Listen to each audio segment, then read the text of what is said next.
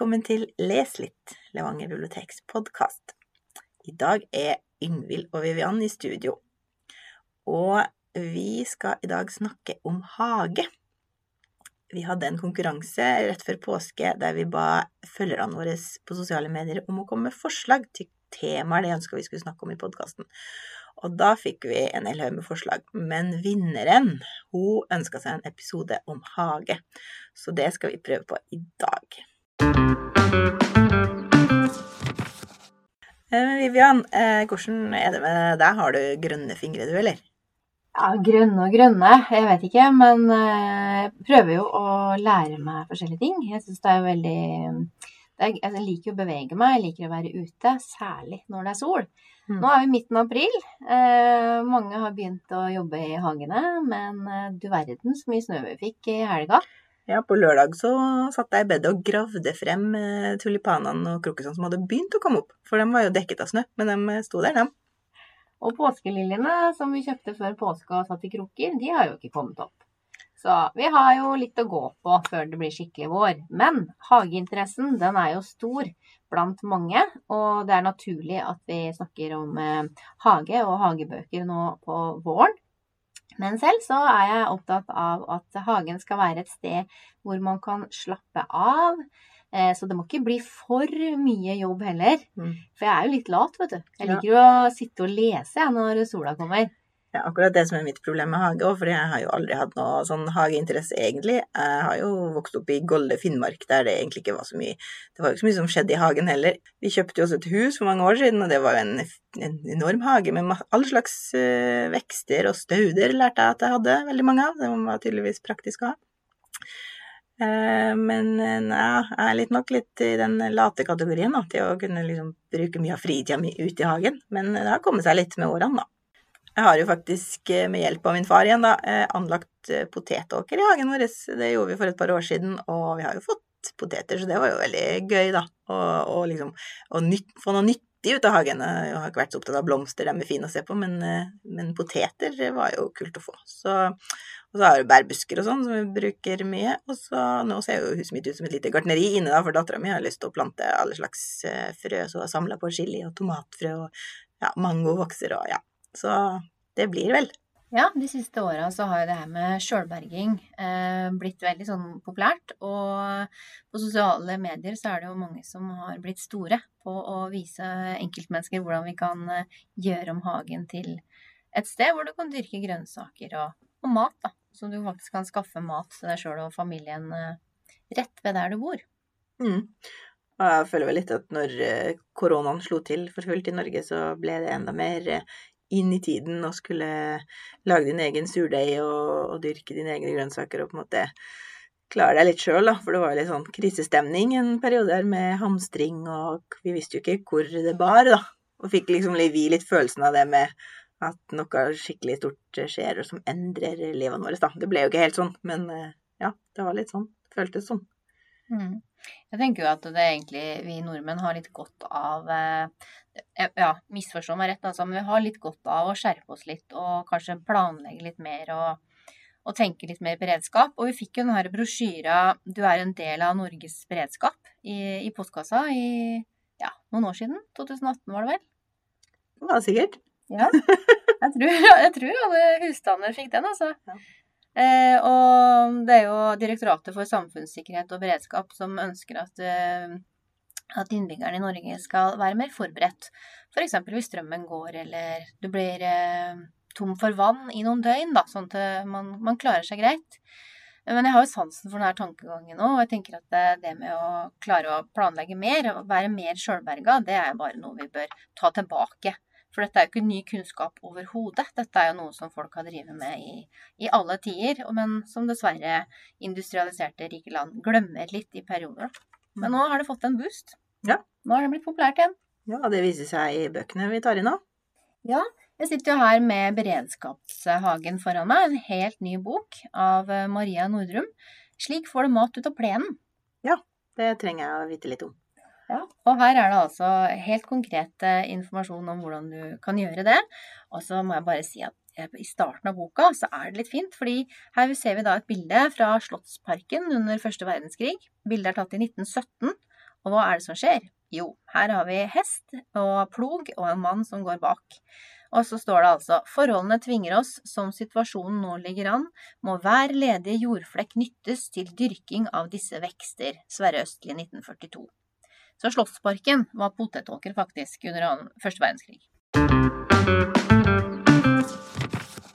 Ja, og så I tillegg så har vi jo utrolig mange bøker som Ja, når det gjelder hage eh, og eh, hus og hage, så har vi egen reol. Eh, vi har bøker som er av eldre årgang, men også forholdsvis nye. Og så tenker jeg at vi har et sånt greit utvalg, da. Vi har praktiske bøker. Hvordan skal du gjøre det? Få en mer bievennlig hage. En mer økologisk hage. Det kan være folk som er interessert i engelske hager. Den ville hagen. Noen liker strigla, stramme linjer, andre liker at det gror og ser sånn eventyrhageaktig ut. Men eh, hvis man tenker litt mer sånn kulturhistorisk eh, på dette med hage, da, så har vi en fin bok som heter Utestemmer. Pionertid i norsk landskapsarkitektur 1900-1960. Eh, og den er kjempefin, for den viser litt mer om hvordan eh, arkitekturen rundt selve hageplanleggingen da, har foregått i Norge, og hvor vi har fått eh, inspirasjon fra. Og Norges landbrukshøgskole på Ås er selvfølgelig et uh, viktig, viktig, sted her.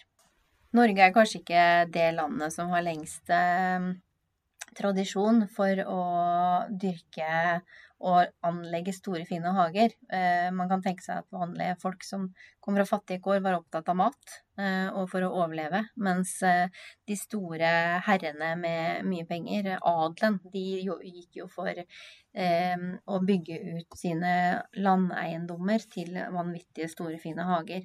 Og det er jo en del av de på Østlandet og en del langs kysten opp mot Trøndelag.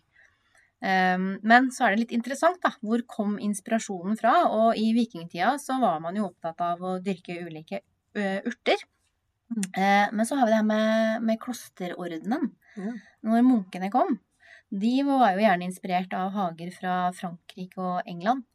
Eh, og det er på en måte her man ser at, eh, at norsk hagearkitektur får inspirasjon, da. De, dette er sånn interessant, syns jeg.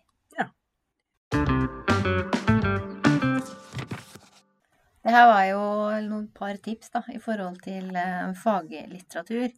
Men sett nå at uh, sola skinner, vi har uh, satt potetene, og gulrøttene har begynt å spire, blomstene står der og er blitt vanna og har fått god gjødsel.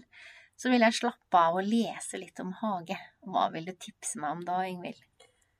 Eh, nei, altså jeg fant jo en liten perle når jeg skulle finne meg noe skjønnlitterært om hagebruk. Eh, en bok som eh, ble utgitt i Tsjekkoslovakia i 1929, som heter 'Ett år i min hage'. Og det er skrevet av eh, Karel Čapek, som er en tsjekkoslovakisk forfatter. Og han døde i 1938, så den boka skrev han på 1920-tallet om, om hagedyrkeren. Og jeg hadde jo ingen forutsetninger for hva den boka inneholdt, men når jeg begynte å, og jeg hørte den på lydbok, faktisk, og det var altså en sånn liten sjarmerende bok eh, om hagedyrking som fikk meg til å humre fra start, egentlig, og ble helt overraska når jeg begynte å høre på den, at uh, den var sånn, da. Eh, og har funnet ut at den har vært en klassiker som lenge har vært borte fra bokhyllene, og har vært å finne bare i antikvariater rundt omkring, men nå kan man finne den i bibliotek og i bokhandler, sånn at jeg tror kanskje vi, kanskje vi skal bestille den inn. Mm. Siden jeg hørte den på lydbok, så, jeg, så, har jeg lest at den har veldig mange fine eh, illustrasjoner som broren til forfatteren også har laga, som var veldig sånn komisk, da. Så jeg har lyst til å se, eh, se, se de her illustrasjonene. Um, ja, som sagt, en perle. Jeg vet ikke helt hvordan jeg skal beskrive det, men den tar for seg hage, året i hagen til hagedyrkeren, da, som er personen. Og man går gjennom måned for måned alt som skjer i hagen i januar, februar, mars. Og det skjer, det skjer noe eh, hagerelatert i hver eneste måned, faktisk. Han snakker f.eks. om at i januar så er det isrosene som eh, hagedyrkeren er mest opptatt av, altså de som former seg på innsida av vinduet. Og da sier han at eh, de vokser best hos de fattige, da, fordi de har ikke så tette vinduer som de rike. Det som gjør at denne boka her er så morsom å lese, er at den tar for seg eh, ting som kan skje i hagen på en veldig sånn, komisk måte. Språket er veldig, veldig bra eh, beskrivende. Det, han beskriver f.eks. februar som 'dette golde egg av en skuddmåne'. Eh, og etterpå snakker han om hvorfor i all verden februar skulle være den måneden som skulle få en ekstra dag, for februar var liksom ikke noe sjarmerende måned. Det kunne heller vært en ekstra dag i mai, f.eks. Så det er veldig sånn gjenkjennelige betraktninger, selv om det er for veldig lenge siden. Han snakker om eh, vanskelige hageslanger og vær som absolutt aldri vil samarbeide, men så vil jeg gjerne lese litt fra det med været, da. Mm. Fordi han skriver eh, hvordan man kan påvirke været. Ved hjelp av forskjellige knep kan man ta været ved nesen og få det til å forandre seg.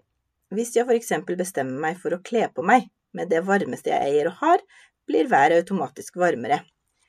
Likeledes blir det straks mildt når et par venner har bestemt seg for å gå på ski. På samme måte går det når man skriver en avisartikkel hvor det herlige frostværet, røde kinn, livet på skøytebanen og lignende foreteelser beskrives, og i samme stund avisen går i trykken, setter mildværet inn. Når folk leser den, faller det lunkent regn, og termometeret viser åtte pluss, og da kan man ikke undre seg over hva folk sier om avisene. Ja, at de bare inneholder løgn og fanteri. Vekk med avisene. På en annen side har forbannelser, jammer, pukking, klager, brrlyder og andre former for besvergelser ingen som helst innflytelse på været. Der ser du, det nytter ikke å klage på været. Det hjalp ikke i 1929, og det hjelper ikke i 2021 heller, tydeligvis. Det som jeg syns er litt artig med den boka, er jo at den er skrevet for så lenge siden, da, midt mellom to verdenskriger eh, i Tsjekkoslovakia, og, og, at hagedyrkeren her beskrives som at det er noe han driver med som en hobby. Da. Det er jo noe han gjør for å glede seg sjøl. Det er ikke noe nyttedyrking i den hagen. Og snakker nesten ingenting om noe, noe, noe grønnsaker eller sånne ting. Det, det, er blomster i alle slags former og fasonger. Det er så mange latinske blomsternavn i denne boka at eh, det, det er ikke måte på. Så det er fascinerende at, at, det var så lenge siden, men at man fortsatt har den samme Det er interesse for hagedyrking, og fordi det gir deg noe glede, da. Ikke fordi at du bare må dyrke den hagen. Så det syns jeg var fascinerende. En hyggelig bok jeg skal prøve fra hengekøya. Ja, den er altså en veldig hyggelig bok. Det er et godt, godt beskrevet. Vi kunne hatt en hel podkast om den boka, tror jeg, men det har vi dessverre ikke tid til. Håper du har tid til å komme innom oss i biblioteket. Og så håper vi at sola skinner der du er, og følg oss gjerne på Instagram og Facebook. Så takk for oss, og god vår!